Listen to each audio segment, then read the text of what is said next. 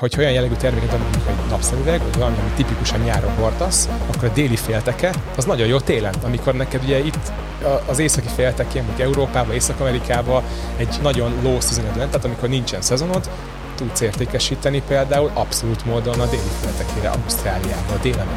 Nem mi akarjuk a kereskedő oldalunkról eldönteni feltétlenül azt, hogy ott kint mi lesz a, az igény kézbesítésre. Kínáljunk minél többet, kínáljunk több alternatívát, jelezzük azt, hogy igen, van gyorsabb, lassabb, prémium, nem prémium, és dönts el a vásárló. Ez Magyarországon is egyébként egy megfontolandó dolog. Ez a Vett fel a verseny podcast digitális kereskedelemből, nem csak webáruházaknak és elkereskedőknek. Kövess be minket kedvenc podcast platformodon, iratkozz fel YouTube csatornánkra, és csatlakozz a zárt Facebook csoportunkhoz. A Vett fel a verseny podcast támogatója a Mastercard, a GKID, valamint a Boxi. A mikrofon mögött a műsor házigazdái Madar Norbert és Kolbert István. Sziasztok, ez itt a Vett fel a versenyt podcast legújabb része. Én Norbi vagyok, és velem szemben itt van István. Sziasztok! Ma ismét egy deep dive adást veszünk fel, és azt a témát hoztunk, hogy milyen szempontokat, milyen logisztikai szempontokat vizsgálj meg a külföldi piacra lépés előtt. És szerintem ez egy jó téma, meg én azt érzem, hogy egyre többet merül fel ez a kérdés most már. Igen, a, a Digitális Kereskedelmi Szövetségben is ö, rengeteget dolgozunk azon, hogy ez a probléma tudat az elkereskedőknél minél, előtére, minél fontosabb helyet foglaljon el a, a, a teendők listájában, tehát az, hogy menjünk, merjünk. Meg a vágy. Külföldre menni, és legyen mellé egy vágy is, így van. És volt már egy korábbi adásunk, ahol Vadán Zita itt volt a, a szövetségtől, és a mentorprogramnak a témáját vettük végig, illetve a tematikáját, és ott is előkelő helyen van az, hogy milyen logisztikai tudás, illetve logisztikai vizsgálat szükséges ahhoz, hogy ezt a döntést ezt találta legjobban meg tudjuk hozni a kereskedők. Úgyhogy ebbe a következő szűk fél órában arra vállalkozunk, hogy próbáljuk ezt a, ezt a témakört végvenni, és egyfajta Módszertant, frameworköt. frameworköt. Igen, most kerestem a jó szót, hogy mi is lehet ennek a nem túlzó megfogalmazása, de igen, egy, egy ilyen frameworköt adni ahhoz, hogy, hogy mindenki végig tudja menni a, legfontosabb döntési pontokon, kérdéseken. Szerintem van pár kérdés, amit képes leszem majd megválaszolni, hogyha végigmész ezeken a szempontokon pontról pontra, ilyen az, hogy például a közvetlen régiókban érdemes elindulni, vagy simán nézhetsz tengeren túli piacokat. Ilyen például azt, hogy lehet-e versenyelőnyöd akár a helyi kereskedőkkel szemben az adott piacokon, illetve az, hogy hogyan indulj el, és milyen lépéseket érdemes követned ahhoz, hogy felkészülten dönthess a külföldi piacra lépésre, vagy a külföldi terjeszkedésre. Úgyhogy erre, erre, erre próbálunk adni egy, egy vázat. A leges-legelső lépés, amit szerintem egész sokszor emlegetünk, hogy elemezd alaposabban a potenciális célpiacaidat, hogy, hogy, hogy felkészültebben dönthess, és ehhez érdemes egy piaci körképet készítened, vagy készítetned? Vagy készítetned, igen. Itt egyébként ez egy érdekes dolog, hogy erről beszélni kell, de valójában mégis annyira más minden piac, akár csak a környező országokat is nézve, hogy, hogy egyszerűen muszáj végnézni azt, hogy... Annyira más? Annyira más, igen. Tehát akár csak a, tényleg Szlovákiát, ha nézzük, nem feltétlen vannak például utcanevek minden településen, minden utcában kiírva. És innentől kezdve, hogyha mondjuk egy magyar kereskedő, magyar számla megfeleléssel számlát akarnak kiállítani, akkor nem biztos, hogy ez a probléma megugorható lesz. Ez pont egy mentorprogramban jelentkező elkereskedőtől hallottuk, hogy neki ez, ez komoly elakadás volt, hogy, hogy ezt hogyan kezelje, hogyan oldja meg. Tehát, hogy, hogy apróságoknak tűnő kérdésekben is lehet egészen más. Ilyen lehet a fizetési piac hogyan fizetnek jellemzően a kereskedők. Van-e ennek magyar alternatívája?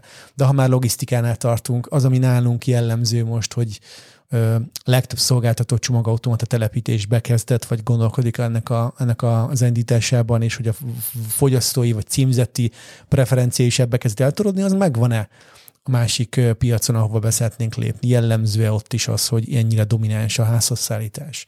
Jellemző az, hogy ott is ilyen értéknövelt a házhozszállítás. Kapunk-e időablakot, futártelefonszámot, nyomon követési lehetőséget, rendelkezhetünk a csomagunkról címhely szempontjából. Tehát ezek mind olyan dolgok, amiket innen belülről nézve, a kereskedői, kereskedői oldalról nézve adottságként kezelve triviálisnak veszünk, még mondjuk egy másik piacon, ahova szeretnénk menni, meg lehet, hogy pont nem így működik. Tehát, hogy érdemes ilyen szempontból megnézni minden egyes célállomást. Persze ketté kell venni szerintem azt a részt, hogy van, van a piac specifikus mm, megjelenés, amikor úgy akarunk egy adott országból megjelenni, hogy ott helyileg tűnve, ahogy nálunk is ugye helyinek tűnnek a, ezek a külföldi cégek, adoptálódnak a, a megoldásainkhoz, a, a trendjeinkhez, a szolgáltatásainkhoz, magyarul szólnak a vásárlóikhoz, forintban áraznak. Ugyanezt a logikát akarjuk-e mi követni egy másik piacon, és akkor nyilván ezeket a feladatokat meg kell tenni, ezt a házi feladatot el kell végezni, vagy pedig akarunk egy, egy nemzetközi szájtot, ahol, ahol aztán angol nyelven gyakorlatilag worldwide tehát globális kiszállítással operálva minden piacot is meg akarunk szólítani, akkor nyilvánvalóan ez egy könnyebb dolog, olyan szempontból legalábbis mindenképpen, hogy nem kell helyi sajátosságokat figyelembe venni, maximum mondjuk regionális bontást, tehát egy Európai Unió nyilván külön leválasztódik egy, egy ázsiai-amerikai piactól, de ettől függetlenül ö, nem biztos, hogy, hogy ennyire személyre kell szabni. Tehát itt rögtön ez a két kérdés szerintem, amit az elején el kell dönteni, hogy egy adott piacot szúrunk ki, és arra akarunk menni, és ott akarunk minél jobban adaptálódni a körülményekhez, akkor rengeteg teendő van már az elején is, vagy pedig egy nemzetközi piac a cél, ahol, ahol mondjuk Európai Unión belül, vagy, vagy globálisan akarunk megfelelni. Igen, hogy behozza a marketinges oldalt, szerintem nagyon fontos az, hogy meg kell vizsgálnod azt, hogy mik ott a tipikus vásárlói szokások, meg elvárások, amiket mondtál. Na várj, de akkor melyik, melyik, melyikben megyünk tovább? Abban megyünk tovább, hogy nemzetközi, vagy abban megyünk tovább először, hogy Szerintem a specifikus piaconként, piac. piaconként nézd okay. meg. Tehát, hogyha ezt elmondtad te is az előbb, hogy országonként nagyon el tud térni, és vizsgáld meg először országonként, hogy melyikre érdemes menned megnézed mondjuk a szlovák piacot, megnézed a cseh piacot, megnézed a lengyel piacot, a román piacot, a horvát piacot, mondjuk megnézed a régiót. És megnézed azt, hogy mondjuk a különböző, akár messzi, messzebb tengeren túlon, egy Kanada, USA, Ausztrália, hogy ezek tipikus példák, ott mi történik. Vagy például nagyon érdekes dolog, hogy, hogy olyan jellegű terméket, amit mondjuk egy napszemüveg, vagy valami, ami tipikusan nyáron hordasz, akkor a déli félteke, az nagyon jó télen, amikor neked ugye itt az északi félteki, mondjuk Európába, Észak-Amerikába egy nagyon low season lent, tehát amikor nincsen szezonod, tudsz értékesíteni például abszolút módon a déli féltekére, Ausztráliába, Dél-Amerikába, Afrika déli részére. Tehát, hogy ezek, ezek nagyon triviálisnak tűnő dolgok, amikre sokszor az ember kereskedőként nem gondol. Nem gondol, nem megy bele, igen. Szerintem ez, ez nagyon fontos. A másik meg, amit, amit mondtál, és amire kicsit szeretnék rácsatlakozni, hogy érdemes mondjuk lokalizálni, helyinek tűnni, vagy nem. Nagyon sokszor függ a, hogy milyen, attól, hogy milyen termék kategóriában vagy, a versenytársaid is kínálják-e ugyanazokat a termékeket, akár ugyanazokat a márkákat, illetve hogy van-e például a saját márkás terméked, van-e saját gyártású terméked, tipikusan például a divat szektor az, ahol kevésbé szoktak lokalizálni, mert ott egyedibb dolgok vannak, ugye mindig kicsit más, hogyha saját tervezésű termékeid vannak, ott kevésbé mennek át a lokalizációra, mert ugye, hogyha valakinek ez tetszik, az megrendeli más pénznemben. Más országból is, igen. És mondjuk angolul, de hogyha olyan játékosokkal versenyzel, akik ugyanazt a termékört árulják, mint te, és nekik van lokalizált helyi storefrontjuk, helyi ügyfélszolgáltuk, ott nehezebben tudsz versenyezni velük. Szóval, első lépés a frameworkünkbe. A Nézzük meg azt, hogy mi a piac. Igen. Mi a piacnak a, az aktuális helyzete, állapota? Ez kezdődött azzal is, hogy az elkereskedelem úgy egészében hogyan rezonál, mik, a, mik azok a... Vásárlói szokások és Vásárlói szokások, mik azok a, azok a dinamikák, amik jellemzik, de ha ebből ki tudunk mozdulni, akkor, akkor nyilván ö, bejöhetnek még egyéb szempontok. Mondok példát. Szlovénia. Izgalmas célpiac lehet, viszont arányaiban ugye jóval kisebb ország a magyarnál, körülbelül annyian laknak az egész országban, mint mondjuk Budapesten, Magyarországon, tehát kb. két millió fő. Ez a, ez a piac emiatt önmagában nem képes felvenni, vagy nem is nem, nem a felvétel a jó szó, nem képes akkor a vásárlóerőt generálni, hogy az ottani nagykereskedők csak a helyi piacból megéljenek. Ergo náluk például sokkal erősebb és sokkal inkább organikusan jövő igény az export, illetve az, hogy határon túli piacokat is célozzon egy kereskedő. Na de ennek milyen hatása van? Az, aki határon túl is értékesít, az a saját belföldi piacon is egy általánosan véve jobb szolgáltatási színvonalat tud nyújtani. Ergo egy nagyon erős, zárt uh, piacról beszélünk, aki oda be akar lépni, egy most frissen először exportálni vágyó magyar kereskedő, az nem biztos, hogy azon a piacon olyan könnyű, vagy, vagy, vagy könnyen legyőzhető kereskedőkkel találja szemben magát. Míg mondjuk egy ezzel ellentétesen mondjuk egy horvát piacon, ez, ez adott esetben lehet, hogy könnyebben megugorható akadály lesz. Tehát, hogy van, vannak ilyen, ilyen piaci adottságból fakadó szempontok, és mit figyelembe kell venni. Vagy megint csak maradva a szlovén piacnál, annyira kevés a, az ipari park, meg az ipari terület, hogy nagyon-nagyon drága ezeknek a logisztikai, meg kereskedelmi központoknak a fölépítése és üzemeltetése. Ergo nem érdemes azzal kalkulálni, hogy ott helyi operációt viszonylag hamar költséghatékonyan felépíthet egy Magyarországról odainduló szereplő. Tehát, hogy érdemes ilyen ö, tágabb értelembe vett makrogazdasági, meg mikrogazdasági ö, szempontokat is mérlegelni. Mi az árfolyam, ö, mi a pénznem, ö, hogy néz ki az áfa, mik azok a, az adózás technikai sajátosságok, amiknek meg kell felelni, kell-e matricázni a, az adathordozókat, kell-e a garancia kapcsán egyedi szempontoknak mm. megfelelni, ami mondjuk európai sajátosság és, és nincs, nincs ott alkalmazva, az is lehet egy könnyebbség a piacra lépés szempontjából. Tehát, hogy érdemes, mielőtt a logisztikába belefúrsz, ilyen jellegű adottságokat is tisztáz. Nyilván erre, erre mondhatjuk azt is, hogy ez egy ilyen tágabb értelembe vett enter, enter to market stratégia első pillére kell, hogy legyen, de a logisztika kapcsán is fontos ezeket végigvenni. Van-e ott fulfillment? Értik-e azt, hogy a fulfillmentnek milyen szerepe van az értékláncban? Vannak-e külső szolgáltatók, akik, akik adott esetben határon túlról érkező kereskedőknek is kínálnak szolgáltatást, vagy inkább csak egy belföldi viszonyrendszerben működik ez a történet? Működik-e például a csomagautomata piac ö, olyan szinten, mint a magyar. Tehát, hogy ezt így globálisan, ö, vagy fölülről nézve érdemes végvenni, és hogyha egy ilyen jellegű megértésünk van már a piacról, akkor szerintem el lehet dönteni nyilván azt, hogy, hogy érdemes-e logisztikailag, meg kereskedelmileg is jobban belemenni a témába, de tegyük fel, hogy érdekes. Tegyük fel, hogy szimpatikus az adott piac. Megvan még továbbra is az étvágyunk, a vágyunk, nem tántalított el minket semmilyen egyedi szempont, vagy, vagy csapda, amiben bele lehet esni. Tehát megvan a nyitottságunk. Utána jön az a rész szerintem, hogy, hogy meg kell nézni azt, hogy innen akarjuk-e a kereskedelmünket üzemeltetni, vagy akarunk-e helyi logisztikát, helyi raktárat, helyi beszerzést behozni a rendszerbe. Igen, tehát hogy hogyan jut el a, ez lett a második lépés, hogy hogyan jut el a cél, célpiacaidra a csomag, illetve hogyan jut el konkrétan a vásárlóidhoz. Igen, mert hogy az egyik az az, hogy a beszerzői hálózatodat használod, ami itthon van, és innen indítod a terméket, vagy pedig ottani beszerzőket is tudsz ugye ebbe a rendszerbe bevetni. Ez ugye nyilván attól is függ, hogy egyedi a terméked, vagy, vagy alapvetően egy viszontadói státuszban vagy.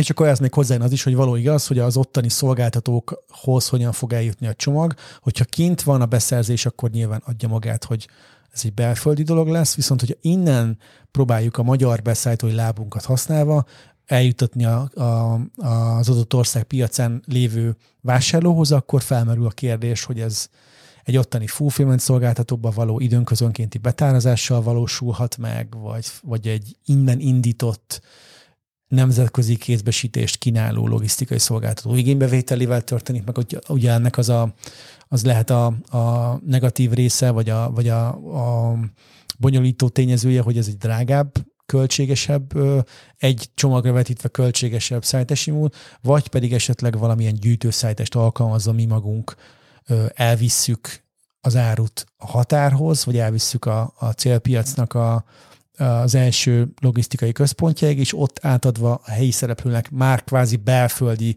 kézbesítésként kezelve a csomagot jut el az a címzethez, ez viszont ugye a mi részünkről igényel, vagy a kereskedő részéről igényel egyfajta logisztikai investíciót, hogy ez az áru lejusson, vagy eljusson a célpiacra. Mm meg leginkább ez az utóbbi akkor működik, hogyha azért szomszédos országról beszélünk, hogyha ez a nyugati oldalán van az uniónak, akkor ez már azért nem annyira fenntartható vagy gazdaságos. Attól függ. Emlékszem, megígértük, hogy nem hozzuk fel többet a Hawkers példának, De a Hawkers így ismerkedtük meg, hogy repülővel hozták szinte másnap már a szöveget. Abszolút. Azt én, én nem most arra gondoltam, hogy mi magunk, mint kereskedő, mondjuk így gyűjtőszállítással kamionnal elvisszük az árut a spanyol határhoz, hogy aztán a spanyol logisztikai szolgáltató megkaphassa belföldi csomagként. Erre gondoltam, hogy ez nem biztos, hogy annyira költséghatékony, mint amennyire mondjuk működőképes opció egy osztrák, szlovén, horvát, román, szlovák piac esetében, ahol ugye elvihet, sőt, akár még egy, szerintem egy lengyelnél és egy cseh piacnál is működőképes. Igen, ez érdekes. Szerintem egy kicsit összefoglalva ezt a pontot, tehát azt kell eldöntened, hogy ottani raktárból szolgált ki a vásárlói rendeléseket, vagy pedig a saját hazai bázisodból szolgálod ki.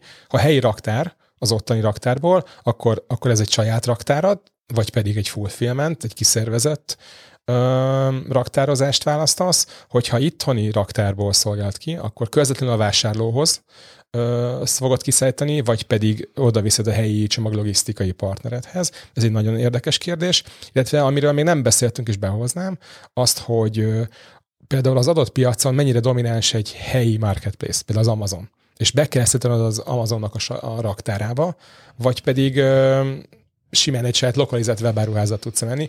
Ez nem feltétlenül logisztikai kérdés, de például egyes piacterek megkövetelik azt, hogy az ő raktárába szállítsd be. Így van. És onnan, onnan Így van. Erről nem beszéltünk ebben a részben, de szerintem nyilván hozzá kell tenni, hogy a piacvizsgálat, az Enter to Market az nem csak arról szól, hogy logisztika, hanem hmm. az ottani szereplőknek a megértéséről is.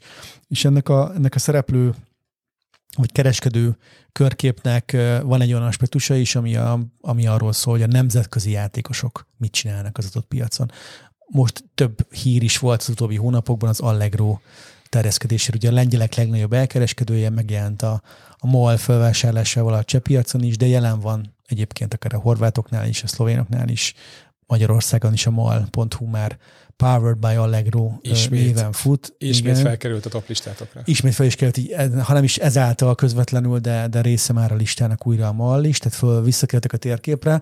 Tehát ha így nézzük, akkor igenis érdemes mérlegelni azt, hogy a nagy régiós európai elkereskedelmi vállalatok közül ki milyen erőforrással és stratégiával képviselteti magát azon a piacon, ahova egyébként mi is akarunk menni. Intermezzo vége, ez egy külön adás lehetne.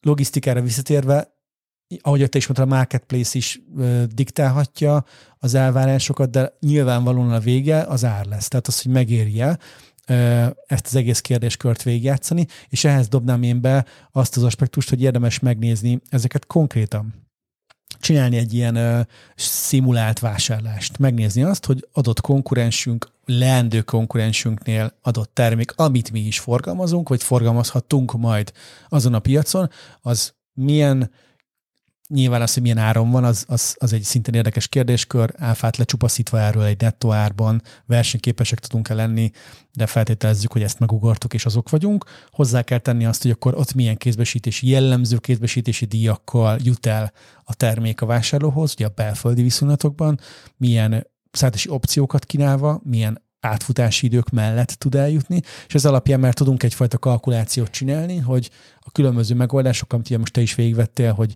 gyűjtőszállítással, vagy innen indított csomaggal küldjük a rendszert, vagy akár ugye egy repülős megoldás is szóba kerülhet, például a DHL Express által, ezek, ezeknek milyen árképzési megoldásai jöhetnek szóba, és mennyire lenne versenyképes a konkurensekkel. Szerintem ez az egyébként az egy a puding próbálja az evés alapon az egyik legsarkalatosabb, vagy leg, legszívbe vágóbb tesztje annak, hogy jó lehet-e nekünk a, a, az adott piac, és működik a, a business case. Én behoznék még egy aspektust, így az ár mellett a vizsgálatva, hogy mennyire számít a kiszállítási idő.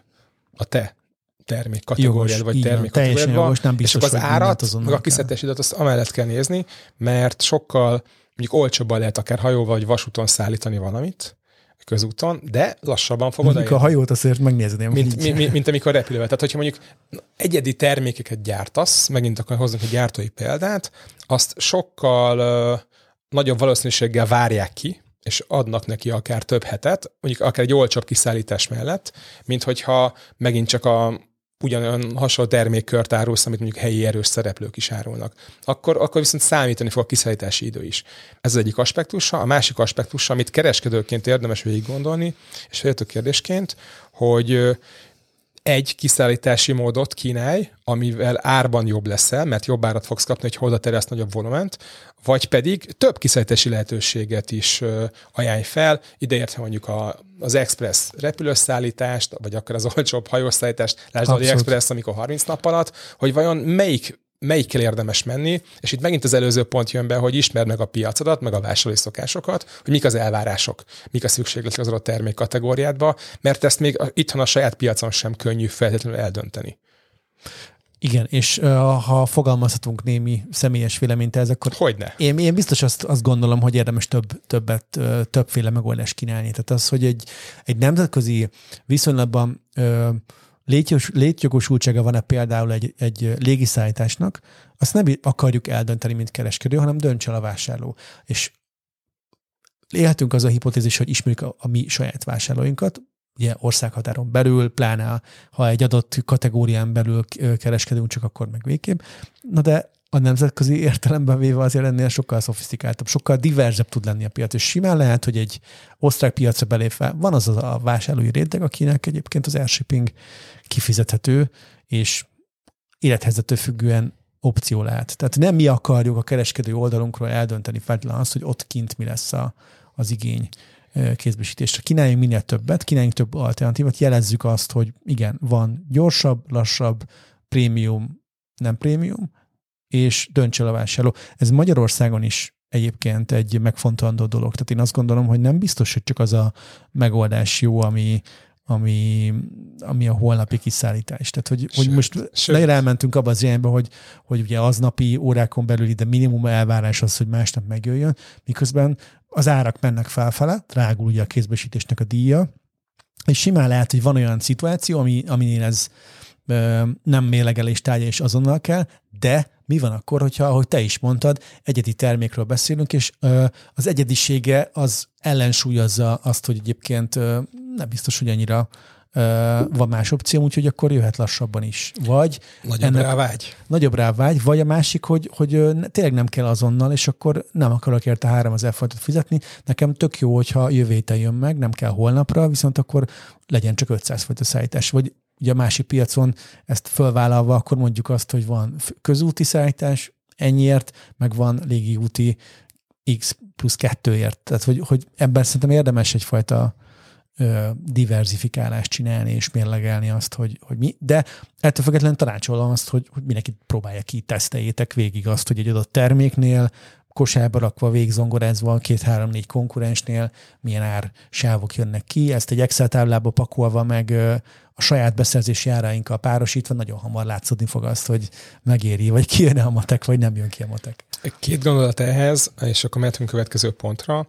Az egyik, hogy a vásárlóidnak nem az számít, hogy repülővel megy, hanem az idő, amennyi időt megkaphatja. Így van. A másik pedig, hogy Jó, lehet, hogy féltetően fogalmaztam, amit nem, nem, nem, úgy nem, értettem, tehát, hogy, hogy, hogy ugye ez egy nagyon drága opció, és sok kereskedő úgy van vele, jó, hát drágább. nem kell, igen, de hogy közben meg ha vásárolnak, gyorsan kell.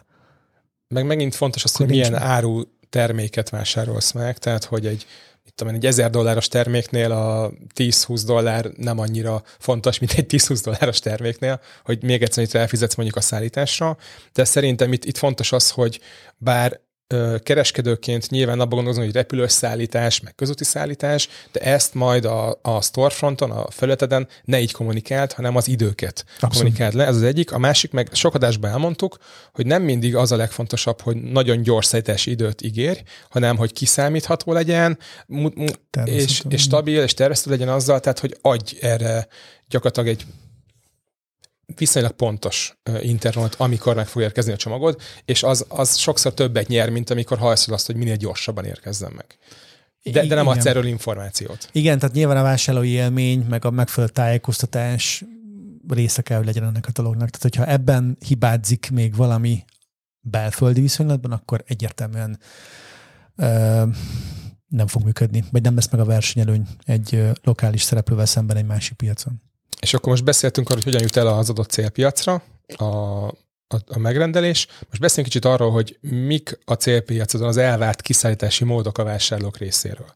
Ugye az első példa, hogy van-e utánvét, és hogy ezt képes-e a külföldi csomaglogisztikai partnert kezelni egyáltalán. Hogy ne, hiszen ez Magyarországon eléggé e, sajátos, illetve mondhatjuk azt, hogy Kelet-Európában, de ha picit nyugatabbra akarunk kacsintani, akkor ott már nem annyira. Ez jó hír lehet a kereskedőnek, de egészen más árazás van piaconként a logisztikai szolgáltatók részéről ebben a tekintetben, tehát itt is érdemes az üzleti modellben kalkulálni valamilyen ökölszámmal lesz-e utánvét, hogy fizetnek.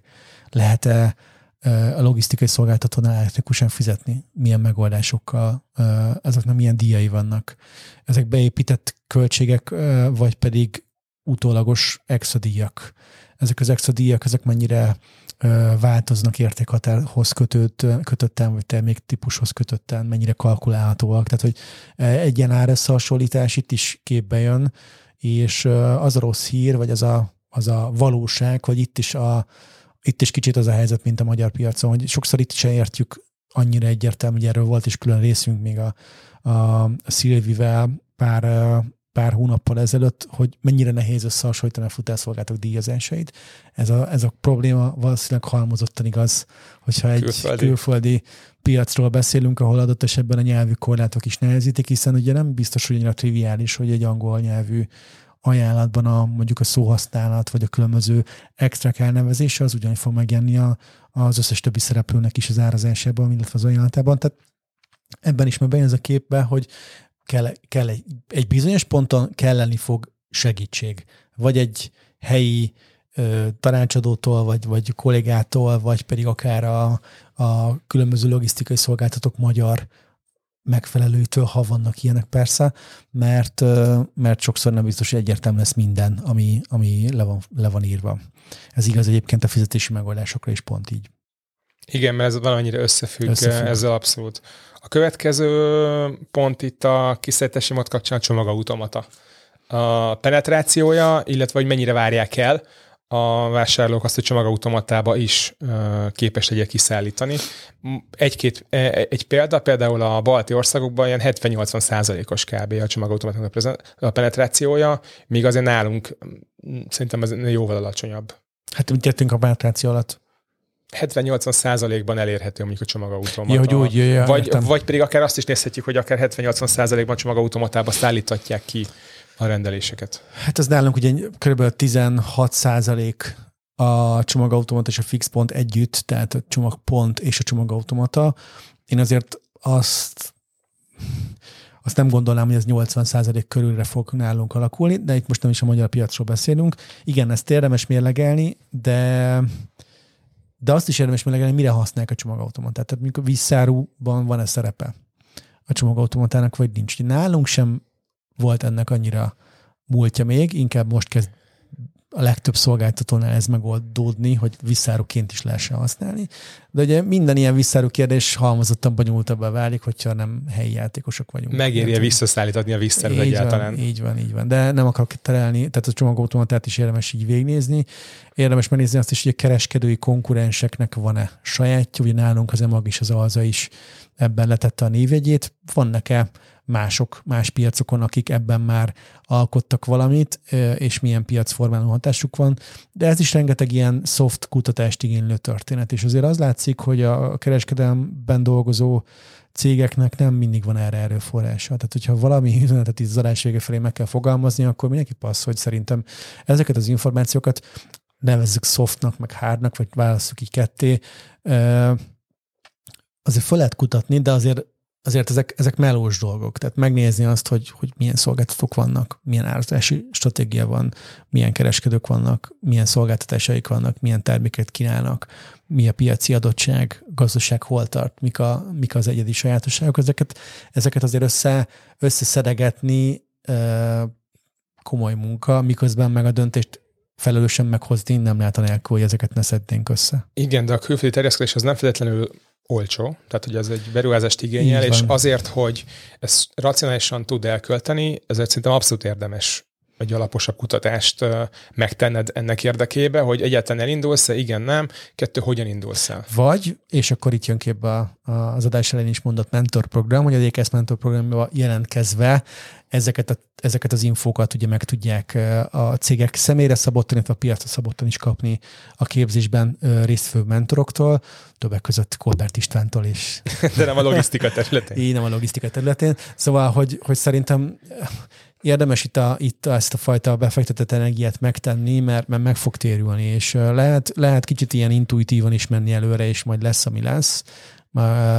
Ugye több ilyen példát is mondtunk már a Vetfal versenyt a korábbi adásaiban, hogy akkor szembesült a, a webáruház a, a helyi sajátoságokkal, amikor már látta azt, hogy konverzióvesztés van egy bizonyos pontján mondjuk egy checkoutnak, vagy nem jönnek a, a leadek olyan mértékben az oldalra, hogy egyébként várta volna. Szóval, hogy ne a saját bőrünkön tapasztaljuk meg, hanem, hanem csináljunk, csináljunk teszteket és csináljunk próbákat. Igen, meg időben, még azelőtt kért ki a szakértők segítséget, miatt belépni adott piacra, ne utólag. Emlékszem, meséltem, Igen. amikor a magyar piacra lépett egy webáruház, és nem volt utánvét.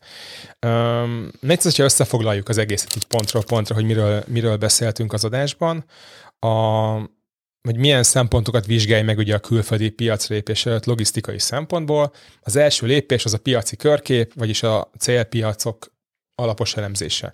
Itt nézd meg a vásárlói szokásokat, nézd meg, hogy milyen vásárlói elvárások vannak, idézhetjük akár a fizetést, az értékesítési csatornákat, egyéb, egyéb speciális egyediségeket az adott piacon, ami a vásárlókkal kapcsolatos. Nézd meg, hogy milyen logisztikai infrastruktúra van az adott országban, elemezd a versenytársakat, akik a te termék kategóriában vannak, ők mit kínálnak, hogyan árazzák be például a logisztikai költségeket várhatóan, mondjuk ez keresztfinanszírozás, vagy egy az egybe átterhelik, van esetleg ingyenes szállítás, mi ennek a határa, ezt te hogyan tudod akár az adott termék kategóriáidban kigazdálkodni, illetve vizsgáld meg, hogy mik azok a termékeid, amik elbírhatják a magasabb logisztikai költséget innen, innen mondjuk Magyarországról kiszállítva. Hogyha megvan ez az elemzés, akkor mélyebben menj bele abba, hogy a célpiacétre hogyan juthat el a megrendelt csomag. Ugye beszéltük azt, hogy vajon helyi, itthoni raktárból ö, szolgált ki, vagy az adott célpiacon lévő raktárból szolgált ki. Hogyha úgy döntesz, hogy legyen ott raktárad, mert mondjuk ez messzebb van, vagy ott onnan tudod beszerezni az ott terméket, akkor ö, saját raktárad legyen, vagy pedig szervezd ki hogyha, hogyha itthonról szállítasz ki, akkor közvetlenül a vásárlóhoz menjen, vagy pedig ilyen ráhordó járatokkal dolgoz, és illetve nézd meg azt, hogy van-e helyi domináns piactér, akik, akiknél érdemes regisztrálni, és elvárják azt, hogy hozzájuk szállíts be a termékedet. A, a következő pont, az pedig az adott célpiacodon hogyan jusson el a vásárlókhoz, mik az elvárt kiszállítási módok, van-e utánvét, ha igen, akkor ezt hogyan tudod visszagyűjteni, mennyibe kerül egyáltalán, és megéri ez neked. A következő az, hogy van-e csomagautomata elvárás, mennyire elterjedt, vagy pedig egyéb olyan kiszállítási módok, amik itthon nem elérhetők és nem ismered őket. A harmadik pedig az, hogy tényleg, hogy mik ezek az elvárt kiszállítási idők az adott termékszegmenseidbe. Hogyha ezen végigmész, akkor szerintem ez egy nagyon jó képet kaphat, és minél hamarabb vonj be szerintem szakértő segítséget, mert meg fog térülni.